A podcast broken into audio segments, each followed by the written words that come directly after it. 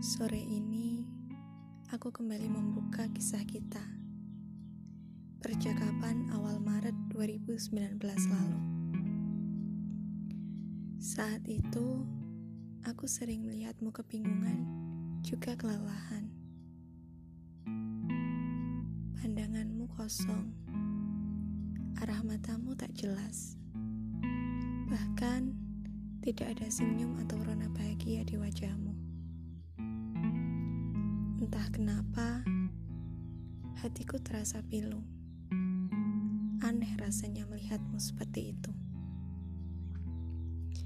Maka pagi itu, aku mengirimkan pesan untukmu. Selama beban itu bisa dibagi, maka bagilah. Tidak ada alasan bagimu untuk menerima beban dan mengolah beban itu sendiri. Ingatlah, kau manusia. Ingatlah, jika jiwamu memiliki hak untuk bahagia.